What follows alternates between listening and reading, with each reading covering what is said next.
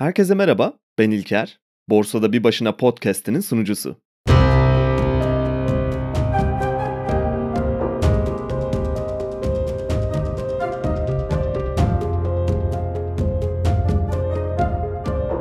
Bir tarafta riskler var ve diğer tarafta getiriler. Ve biz bu ikisinin birbiriyle oldukça korelasyon içinde hareket ettiğini düşünüyoruz. Peki gerçekten de öyle mi? Veya risk nedir? Getiriyle ilişkisi var mı? Varsa nasıl? Risk azaltımını nasıl yapabiliriz? Ve klasik portföy teorileri neler? Bugün biraz bunlar üzerine konuşalım. Çünkü bana kalırsa oldukça yanlış anladığımız bir konu bu ve yüksek ihtimalle büyük bir çoğunluğun riske yanlış bir açıdan yaklaştığını düşünüyorum. Aslında bu tamamen bir olasılık ve istatistik oyunu. Bu yüzden bazen iyi ki üniversitede istatistik dersi almışım diye kendimi iyi hissediyorum. Hatta dersi A notuyla vermiştim çok enteresan bir şekilde ki benim okul hayatımda pek görülmeyen bir şekilde. Çok iyi hatırlıyorum üstünden 15 yıl civarı bir zaman geçmiş olsa bile en yüksek not aldığım ders olmuştu. 95-100 gibi puanlarla geçmiştim istatistik dersini. Tabi konumuz tam olarak bu değil ama Gauss'tan bahsetmem gerekiyordu önce. O yüzden böyle bir girişi uygun gördüm. Normal dağılım eğrisini sanıyorum büyük bir çoğunluk duymuştur. Belki de tarihin en iyi matematikçilerinden biri olan Gauss tarafından geliştirildi. Ben de bu normal dağılım tekniğini yatırım getirilerine uygulamak istedim. Bununla ilgili literatürde bir tarama da yaptım fakat Türkiye için böyle bir çalışmaya denk gelmedim. Hatta eğer elinde böyle bir geçmişe yönelik veri olan varsa paylaşırsa da ayrıca sevinirim. Mantık şöyle, kendimizi ölçmek için bir normal dağılım eğrisine ihtiyacımız var. Akıllı bir ördek kendini sudaki diğer ördeklerle karşılaştırır demiştik. Bireysel yatırımcılar için böyle bir çalışma pek mümkün olmasa da çünkü getirilerini tam olarak istatistiksel anlamda veri olarak almak neredeyse mümkün değil. Fakat fonlar için bu çalışmayı yapabiliriz ve profesyonellere karşı kendimizi karşılaştırabiliriz. Ve bu şekilde getiri olasılığına bakıp çan eğrisinde nerede olduğumuzu bulup ayrıca neyin riskli olduğunu tespit edebiliriz. Riski direkt içinde barındırmayıp sadece olasılık ve gerçekleşenleri gösteren bir eğri olsa da bu normal dağılımdan çıkan sonuçları yorumlayarak riske geçiş yapılabileceğini düşünüyorum. Tam olarak bu düşüncelerle geçtiğimiz yılın hisse senedi fonlarının yıllık getiri verileri üzerinden bir çan eğrisi grafiği oluşturdum. Tabii önce normal dağılımdan bence biraz daha konuşmamız gerek. Hayatımızın her yerinde sürekli olan bir istatistik modeli bu. Bir veri seti içinde toplam verilerin ortalaması ve standart sapmanın artı 1, eksi 1 kademesinde tüm verilerin %68'i yer alıyor. Standart sapmanın artı 2, eksi 2 uzaklığında tüm verilerin %95'i yer alıyor. Ve istatistiksel bir kesinlik olarak standart sapmanın artı 3, eksi 3 uzaklığında tüm verilerin %99.7'si eğrinin içinde yer alıyor. Yani bu şu demek. Belki duymuş olanlar vardır bununla benzer bir problem de var. Şöyle ki bir sınıfta kaç kişi olursa aynı doğum gününe sahip iki kişi bulunabilir. Basitçe şöyle diyebiliriz. Bir sınıfta 366 kişi varsa eğer bunlardan ikisinin aynı doğum gününe sahip olma olasılığı %100'dür. Bu arada Adam Favor hatta bunu olasılıksız kitabında çok güzel açıklıyor. Soru şu. Ne kadar az sayıda kişiye inersek yine çok yüksek bir oranda aynı doğum gününe sahip iki kişiye ulaşabiliriz olasılık olarak. 250 kişi mi? 200 belki. Biraz daha inmemiz lazım. 100 mü? Hayır. Sadece 57 kişiden oluşan bir grupta iki kişinin aynı gün doğmuş olma ihtimali %99. Bu istatistiksel gerçeği kısmen de olsa Gauss'un normal dağılım metodu sağlıyor. Şimdi biraz şaşırtıcı gelmeye başladı sanırım. Ortalamaya yakın ve standart sapmadan en az uzak olan grubun %68'lik kısmı temsil ettiğini söylemiştik. Daha basit bir örnek verelim. Hatta bunun için kendi verilerimi kullanayım. Podcast dinleyicilerinin yaş ortalamalarına bakalım bunun için. Bu yayınları dinleyenlerin yaş ortalaması 32-34 civarında. Aslında standart sapmasını da neredeyse tam olarak bulabilirim ama çok uzatmayalım. Ortalamanın artı 10, eksi 10 yaş civarında tam olarak dinleyenlerin %65'i yer alıyor. Artı 20, eksi 20 yaş aralığında %95'i yer alıyor.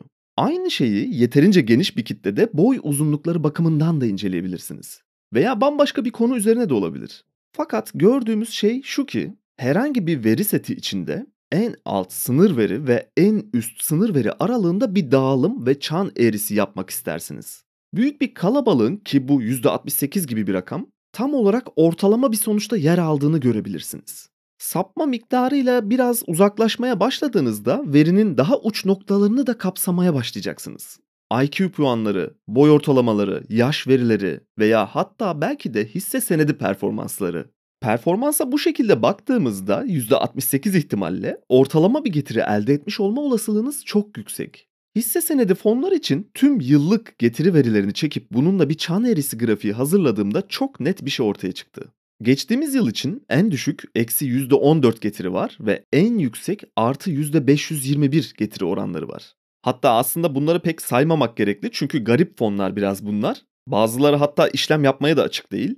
Asıl ortalama aslında %30 ve %400 aralığında değişiyor ve yaklaşık 90'dan fazla fon verisi var. Standart sapmalarını ve ortalamalarını aldım ve ne tesadüf ki tüm veri setinin ortalaması BIST 100 getiri oranına çok yakın. Ortalama %195 getiri sağlanmış tüm fonlar düşünüldüğünde. Buna tüm yıllar için ayrıca değerlendirerek siz de bakabilirsiniz ve ortalamanın hep BIST'i takip ettiğini görebilirsiniz. Gauss'a güvenerek söylüyorum bunu. Peki getiri ve olasılık burada nasıl devreye giriyor? Tüm hisse senedi fonlarını bir hoca gibi çan eğrisine tabi tutup not vermek işin kolay kısmı. Asıl mesele bundan sonrası aslında. Lafı şuraya getirmeye çalışıyorum. Bireysel bir yatırımcı olarak bizim amacımız çan eğrisinin her zaman içinde bulunma olasılığı düşük olan pozitif tarafında kalmaya çalışmak. Ayrıca tabii bunu makul bir standart sapma oranında uzun süre tekrar edecek şekilde yapmaya çalışmak. Warren Buffett'ın her zaman kendine koyduğu S&P 500 endeksinden %10'a yakın daha fazla getiri hedefi tam olarak bununla alakalı. Eğrinin düşük olasılıklı ve yüksek getirili tarafında kalmak istiyor da. Ve tüm olay bunun nasıl yapılacağını keşfetmekte. Risk algımız da tam olarak burada devreye giriyor. Fakat biz insanoğlu olarak genellikle riskleri ve sonuçları değerlendirmekte oldukça yetersiz canlılarız. Doğal seleksiyon bunun en güzel örneklerinden biri. On binlerce yıl önce ilkel bir kabilede bir avcı olduğunuzu düşünün. Birinci önceliğiniz hayatta kalmak ve genellikle risk almamak olur. Fakat tarihin bir cilvesi belki de genellikle soyunu devam ettirmiş olanlar ve doğal seçilimle genlerini aktarmaya devam edebilenler daha çok risk almış olanlar oluyor. Ama bu bizim riski algılama biçimimizden dolayı çok net bir değerlendirme değil. Riske bakış açımız kişiden kişiye göre değişiyor. Çünkü risk bilinmemezlikten doğan bir kavram. Bu avcıya dönersek bir avlanacak tavşan gördüğünü düşünelim. Fakat biraz önünde bir başka yırtıcı olduğunu zar zor seçebiliyorsa genellikle şansını denemez. Fakat aslında önünde 3-4 tane ihtimal vardır ve bunu tartmamıştır doğru olarak. A şıkkı tavşana biraz yaklaşır ve gerçekten çevresinde bir başka yırtıcı olduğunu görür. Ve bu bir kurt veya aslan olabilir. Avcı ava giderken avlanabilir. B şıkkı tavşana biraz yaklaşır. Kurt veya aslan olmadığını görür. Yalnızca bir çalı kıpırtısıymış ve tavşanı avlar. C şıkkı tavşana yaklaşır gerçekten de etrafta bir yırtıcı olduğunu net bir şekilde görür ve geri döner. D şıkkı tavşana yaklaşmaz, kurt veya aslan olduğundan hiçbir zaman emin olamaz. Bu ihtimallere baktığımızda kafamız oldukça karışıyor. Bunun en büyük sebebi iki farklı olasılığın sonuçlarının birbiriyle olan bağlantısını tam olarak kuramamamızdan kaynaklanıyor. Aynı şey kasinolarda da geçerli kazanma şansımızın tam olarak ne olduğundan emin olmadığımız oyunlar oynuyoruz ve ihtimallerin bizim aleyhimize olmasına rağmen kaderimizi şansa teslim etmeye bayılıyoruz. Kasinolar tam olarak kendi lehine işlettiği olasılıkların üzerinden para kazanıyor. Sanırım kazanma olasılığı en yüksek oyun Blackjack ve onda da olasılığınız %45 civarında olması lazım. Ve bu demek oluyor ki eğer borsayı da bir olasılık oyunu gibi görürseniz ya da kumar oynar gibi bir bahis almak isterseniz en iyi ihtimalle sadece ortalamayı tutturabilirsiniz. Ayrıca böyle bir oyundaysanız rastgele hisse seçmiş maymunların sizden daha iyi getiriler yapacağı anlamına gelir bu. Ve yine borsayla ilgili olanlara ya da burayı bir kumar yeri olarak görenlere ya da gelecekteki bir fiyat üzerine bahis alanlara önerebileceğim başlangıç kaynaklarından biri Dostoyevski'nin Kumarbaz kitabı. Borsada yatırıma başlamadan önce okunması gereken en önemli eserlerden biri. Kitapta şöyle bir söz geçiyor. Bazen en çılgın, en imkansız görünen fikir kafanızda öyle kuvvetli bir yer edinir ki öyle veya böyle gerçekleşeceğini zannedersiniz. Dahası bu düşünce şiddetli, güçlü bir arzuya eşlik ediyorsa bazen onu kaçınılmaz, önceden belirlenmiş, kadere yazılmış, gerçekleşmemesi imkansız bir şey gibi kabul edersiniz. Bu kitap o kadar ilginç bir analiz ki kumarbaz duygularımızla ilgili mutlaka okumakta fayda var. Biraz dikkatli bakıldığında kitaptaki herkesin ciddi bir parasal problem içinde olduğunu görüyoruz. Kimisinin bir yerlerden beklediği bir para var, kimisi miras bekliyor, kimisi beş parasız ama rasyonellikten uzak bir umudu var, kimisi de bütün mal varlığını rulet masalarında bırakıyor. Neredeyse herkesin ciddi bir para problemi var kitapta ve bunu düzeltmek için mantıklı bir şey yapan kişi neredeyse yok. Ya kumarda köşeyi dönmeyi bekliyorlar ya da miras bekliyorlar. Dışarıdan bir gözle bakınca büyük bir çaresizliğin içindeler ama birçoğu da bundan habersiz, anlamsız bir umut içinde. Bence aynı bizim gibi insan karakterleri bunlar. Borsayla bütün ilişkimiz Dostoyevski'nin rulet masasına oturttuğu karakterlerle birebir uyuşuyor. Biz de bir hafta borsa düşüşünden sonra artık daha fazla düşmeyeceğini ve yükselmeye başlayacağını düşünebiliyoruz. Veya uzun bir yükseliş trendinde tamamen gözümüz kapanıyor ve bunun sürekli devam edeceğine mutlak bir inançla bağlanıyoruz. Monte Carlo yanılgısı deniyor buna da. Olasılıkları belirli şekilde gerçekleşen bir ihtimalin aynı şekilde sürekli gerçekleşmesinin devam etmesinde artık bir noktada diğer ihtimalin geleceğine olan yüksek inancımız. Fakat bu tarz olasılıklar tamamen birbirinden bağımsız yepyeni bir ihtimal. Bunun farkında değiliz. 5 kere yazı tura atımında hepsinde yazı gelmesi 6. sefer tura gelme ihtimalini arttırmıyor. Bunu genellikle çok iyi biliyoruz fakat duygusal olarak ihtimallerin büyüsüne kendimizi kaptırdığımızda rasyonel yargılarımızdan uzaklaşıp mantıksız davranmaya başlayabiliyoruz. Şimdi daha basit ve anlaşılabilir bir örnek verelim hatta. Bin kişilik bir kalabalık düşünelim. Bir yazı tura oyunu oynanacak bu kalabalıkla. Oyunu oynatan kişi parayı her atışında kalabalığa yazı diyenler otursun, tura diyenler ayakta kalsın diyor. Ya da tam tersi fark etmez. İlk para atılışında kalabalığın ortalama olarak yarısı yazı, diğer yarısı da tura diyecektir. Sonuç ne olursa olsun 500 kişi kalır sonucu bilen. İkinci para atışından sonra aynı şekilde 250 kişi kalacak sonucu doğru tahmin eden. Üçüncü de 125. Sonra 64. Sonra 32. Sonra 16. 8, 4, 2 ve 1. Yine normal dağılım metodundan faydalanırsak istatistiksel olarak neredeyse %100'lük bir kesinlikte böyle kapalı bir bin kişilik oyunun sonucunda en azından bir kişi 10 kez üst üste yazı turayı tahmin edebilir. Ve oyunun sonunda bu kişinin bir süper gücü olduğunu düşünür müydünüz? Aynı oyuna bir kez daha oturulduğunda aynı kişinin tekrardan bin kişi arasından birinci gelme ihtimali nedir? Hatta buna benzer bir oyun üzerinden sanırım Amerika'da yapılan bir dolandırıcılık hikayesi de vardı. Adamın biri posta yoluyla 1000 kişiye oynanacak bir maçın skorunu gönderiyor. 500'üne bir taraf, diğer 500'üne de diğer tarafa oynamasını söylüyor. Tabi çok fazla dikkat çekmiyor. Maç sonuçlandığında elinde kalan doğru sonuçlu 500 kişiye bu sefer bir başka maç için yine aynı şekilde 250'sine bir sonuç, diğer 250'sine de tam zıt sonucu gönderiyor. Bu noktada elinde kalan 250 kişinin biraz dikkatini çekmeye başlıyor bahisleri kendisinin almaya başlayacağını ve ödemeleri göndermelerini istiyor yeni mektuplarında. Kalan 250 kişiye bir başka maç için yine iki farklı ihtimali oynatıyor.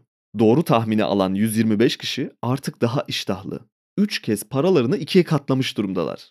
Daha yüksek bahis yapmak istiyorlar. Adam aynı şekilde devam ediyor ve yazı tura oyununun sonundaki gibi en sonunda oldukça yüksek bahisler alarak bir taraftan diğer tarafa aktardığı paranın ve sürekli oyuncuların yükselttikleri bahislerin paralarıyla yüz binlerce dolarlık bir vurgun yapıp kayıplara karışıyor. İstatistik ve olasılıklar eğer oynamak isterseniz işte böyle bir şey. Borsada buna çok benzer bir yapıda hareket eden Telegram grupları ve Twitter hesapları var ve binlerce takipçileri var. Kafalar biraz karıştı sanırım artık risk ve olasılıkları algılamamız işte bu kadar karmaşık ve kafa karıştırıcı. Çünkü bağlantısız olayların birbirleriyle bağlantısı olduğuna inanıyoruz duygusal olarak. Bunun yanında da birbiriyle bağlantılı olayların toplam ihtimalini değerlendirirken bu bağlantıyı doğru olasılık tahminleriyle birbirine ekleyemiyoruz genel olarak. Devam eden şeylerin sürekli devam edeceğini düşünmemizin sebebi de tam olarak bu yanılgımız zaten. Ve buna rağmen Warren Buffett piyasalardan %10'a yakın fazla getiri hedefini neredeyse 60 yıldır devam ettiriyor. 1965'ten itibaren kayıtlarına baktığımızda S&P 500 yıllık bileşik ortalamada %10 civarında artmış. Berkshire Hathaway %20 olarak artmış. Ve bunu 60 yıl üzerinden bileşik olarak üst üste eklerseniz Berkshire %3.6 milyon ve S&P 500 %30.200 olarak yükselmiş. Aradaki %10'luk bir standart sapma 60 yıl içinde binlerce kat farka tekabül ediyor. Ve tam olarak bu durum zaten beni çan eğrisi grafiği üzerine düşünmeye itti yıllık getirileri değerlendirirken. Peki ortalamadan ve standarttan yalnızca makul bir ölçüde sapmayı nasıl başarabiliriz?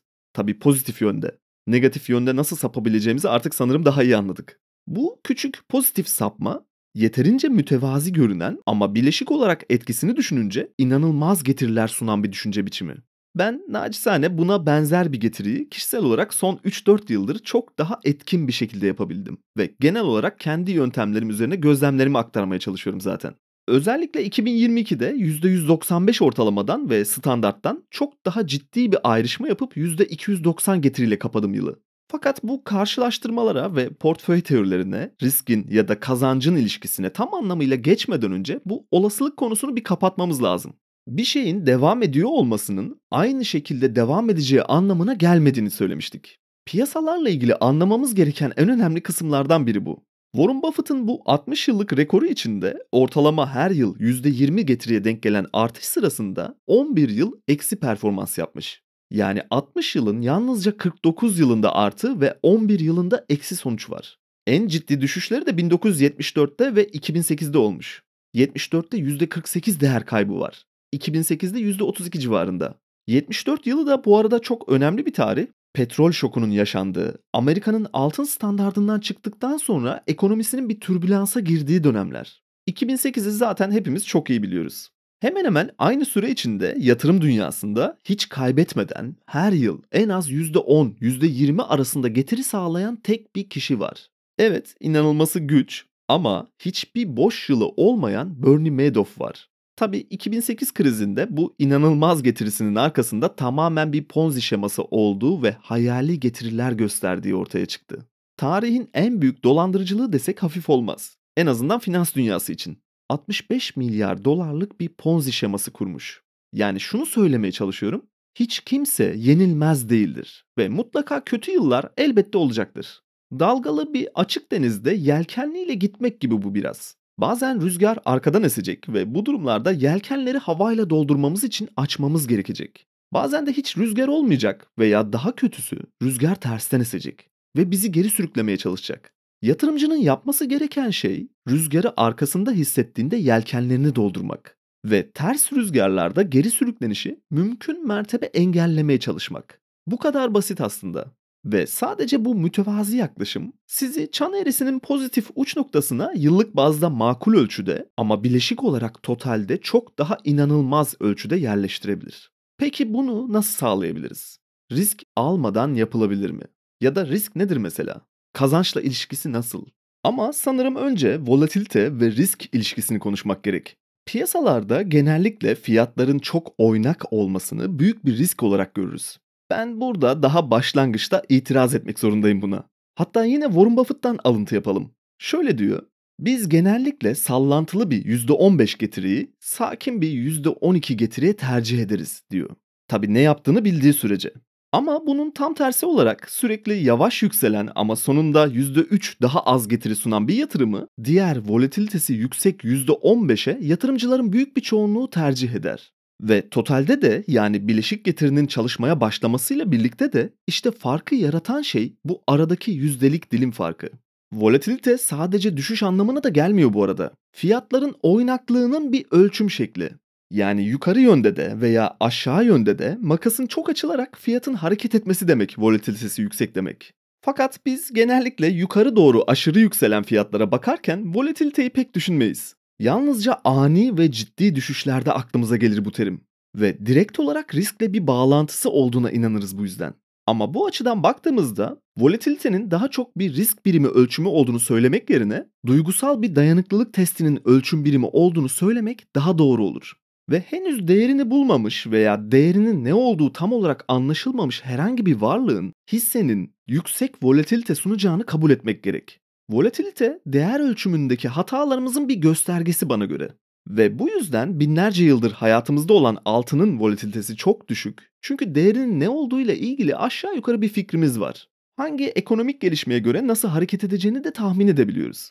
Fakat borsada yeni işlem gören bir şirketin veya karlarını ciddi oranda arttırması düşünülen bir şirketin ya da en azından dikkat çekici yatırım yapan firmaların volatilitesi her zaman yüksek olacaktır. Çünkü bu varlığın değeri konusunda piyasa henüz net bir karara varamamıştır. Ve biz piyasanın bilgisizliğinden yararlanıp böyle durumlarda doğru tercihler yaparak volatiliteyi kendi avantajımıza göre kullanmalıyız. Kısacası volatilite fırsat demektir. Risk değil. Ayrıca uzun vadede yatırım yapılmak istenen bu korkutucu şirketin ya da varlığın belirsizlikleri ortadan kalktıkça değerini daha doğru bir şekilde bulacaktır ve oynaklığı da buna oranla azalacaktır zaten.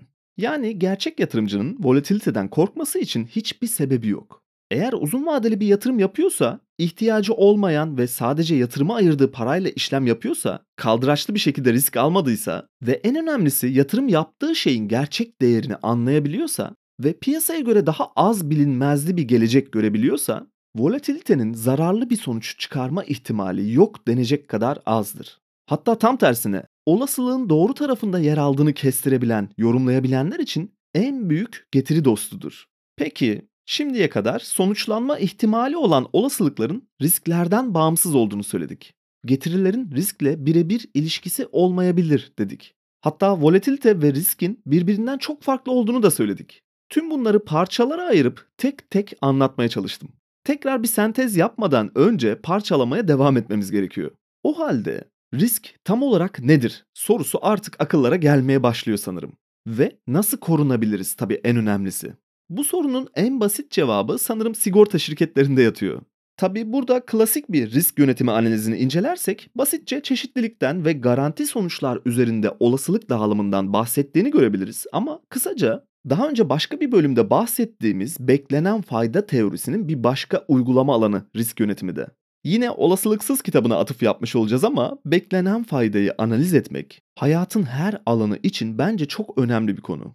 Bir olasılığın gerçekleşme ihtimaliyle çıkacak pozitif ya da negatif sonucun çarpımını yine aynı olasılığın gerçekleşmeme ihtimalinde çıkacak pozitif veya negatif sonucuyla çarpımında ortaya çıkan toplam değerin ödenilen fiyatla karşılaştırması diyebiliriz kısaca risk ölçümüne. Daha önceki bölümlerin birinde piyango biletine büyük ikramiye çıkma ve çıkmama ihtimaline karşı bilete ödenen fiyatın alınan riske oranla uygun mu yoksa uygun değil mi olduğuna bakmıştık. Yine beklenen fayda teorisini daha iyi açıklayacak bir link notlar kısmına bırakırım bu arada. Yani kısaca risk olasılıkların ölçümüyle ortaya çıkan bir sonucun yorumlanmasıdır diyebiliriz. Öyleyse bunun çok basit bir çözümü var. Hatta sürekli duyduğumuz şeylerden biri bu yatırım yaparken.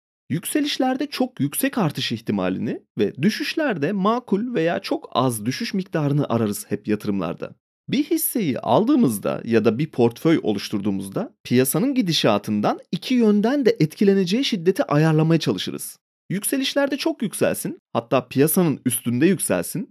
Fakat piyasa düştüğünde de artıda kalsın veya en azından çok az düşsün isteriz portföyün geneli için. Ve bunu sağlamaya çalışmak da risk yönetimi olur zaten. Ama böyle bir şey mümkün mü? Kısmen evet. Birçok farklı teori var bununla ilgili ve birçok farklı portföy metodu var. Bunlardan biri ve çok ünlüsü modern portföy teorisi ve benim pek sevmediğim bir yöntem. Pek başarılı olduğunu da düşünmüyorum. Bu teoride karşı çıkmamın en temelindeki şey volatiliteyi risk olarak tanımlayıp buna göre portföy çeşitlendirme hesabı üzerinden gidilmeye çalışılması. Fakat bu iki kavramın aynı anlama gelmeyebileceğini yeterince açıklayabildiğimi düşünüyorum. Yine bir başka hatalı yanı tamamen fiyatlar üzerinden bir değerlendirme ve risk faktörü belirlenmeye çalışılıp geçmiş verilerle bir portföy dağılımı yaratılmaya çalışılıyor bu teoride.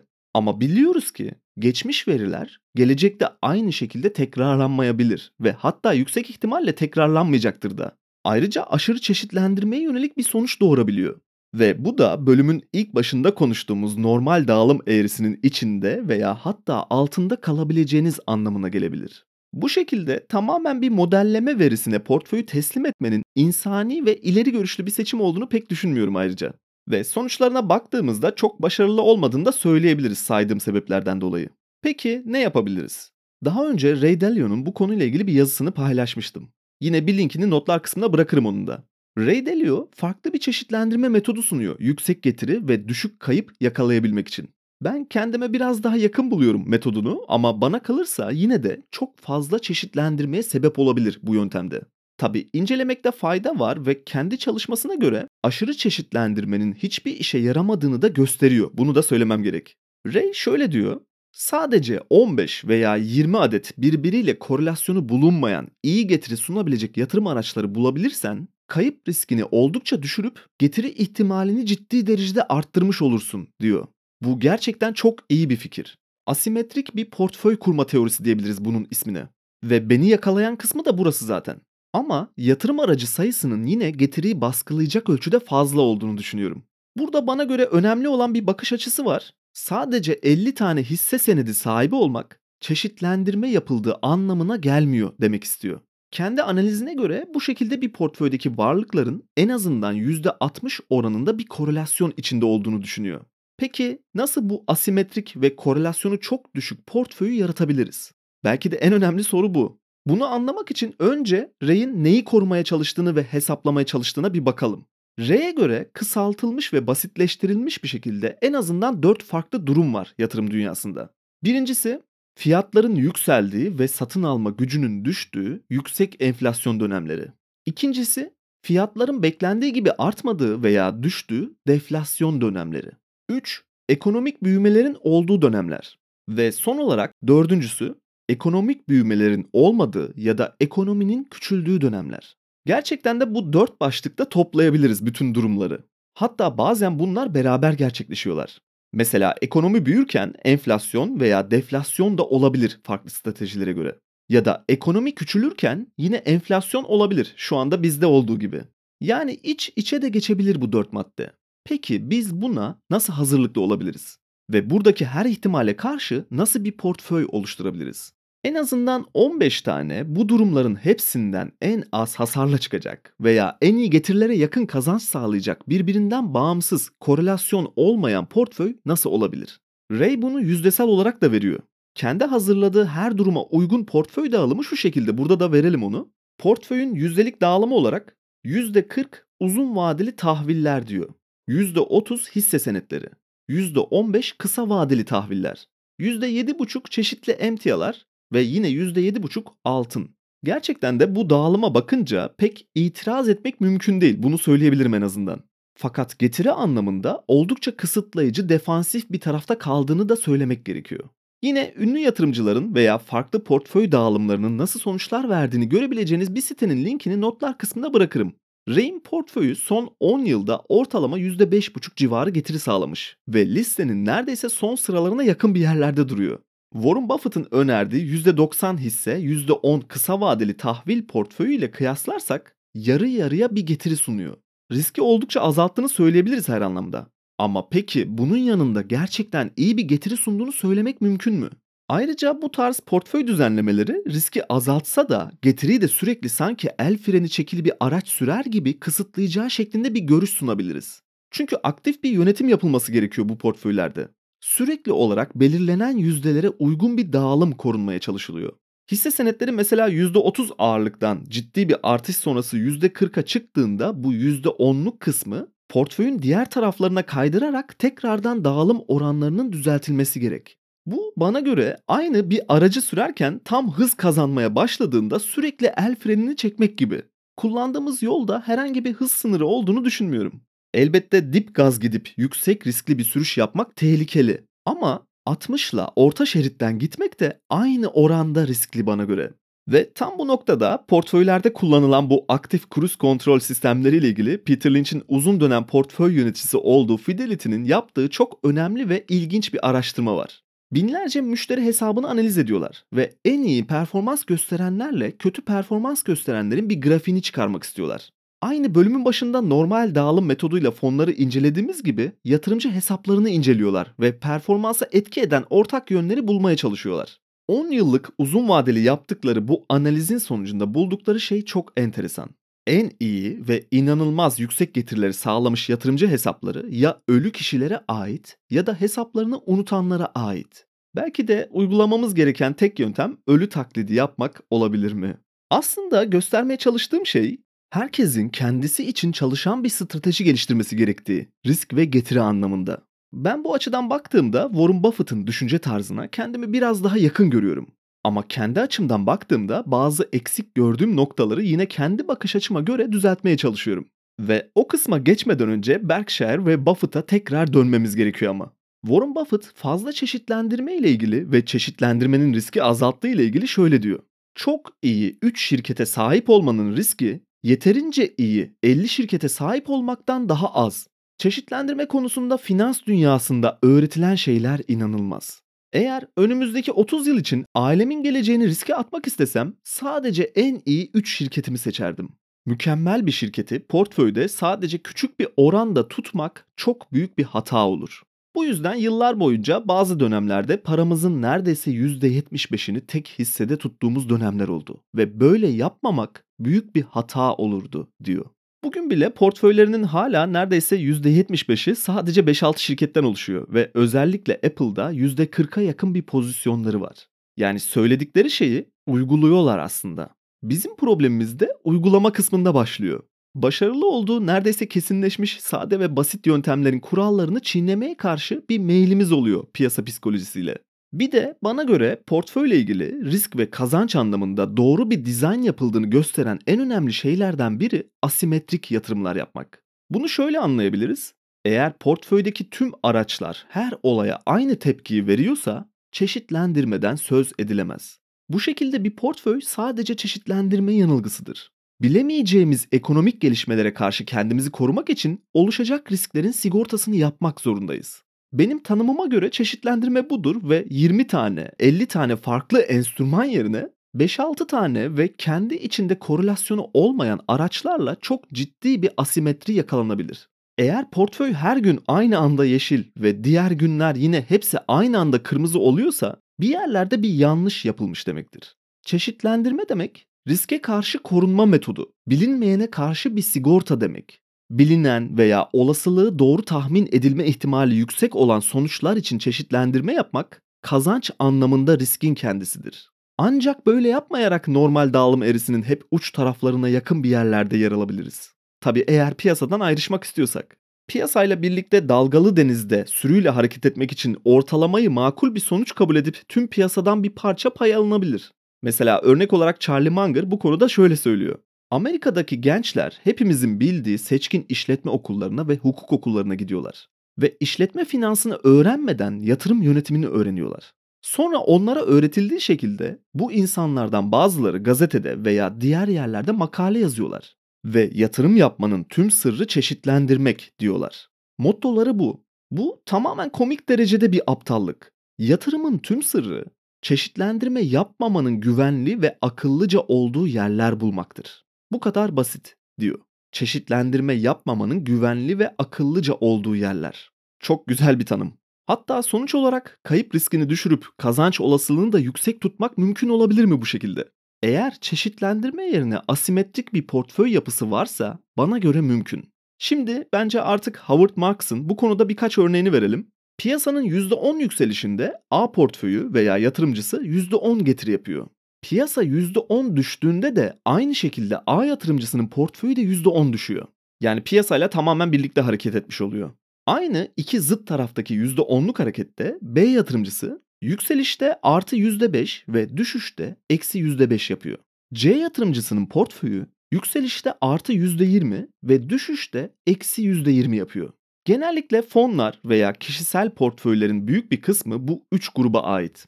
Ya yükseliş ve düşüşlerde tamamen piyasayı takip ediyorlar ya da her iki yönde de daha defansif kalıyorlar veya her iki yönde de daha agresif oluyorlar. Bu üç portföyün bana göre hiçbir değeri yok. Çünkü hepsi tamamen piyasanın gidişatına göre sonuç veriyor. Peki şimdi D yatırımcısına bir bakalım. Piyasalar %10 arttığında portföyü %17 yükseliyor. Piyasalar %10 düştüğünde de portföyü %11 düşüyor. Diğerlerine göre kazanç ve kayıplar arasında bağlantısız bir küçük bir fark var.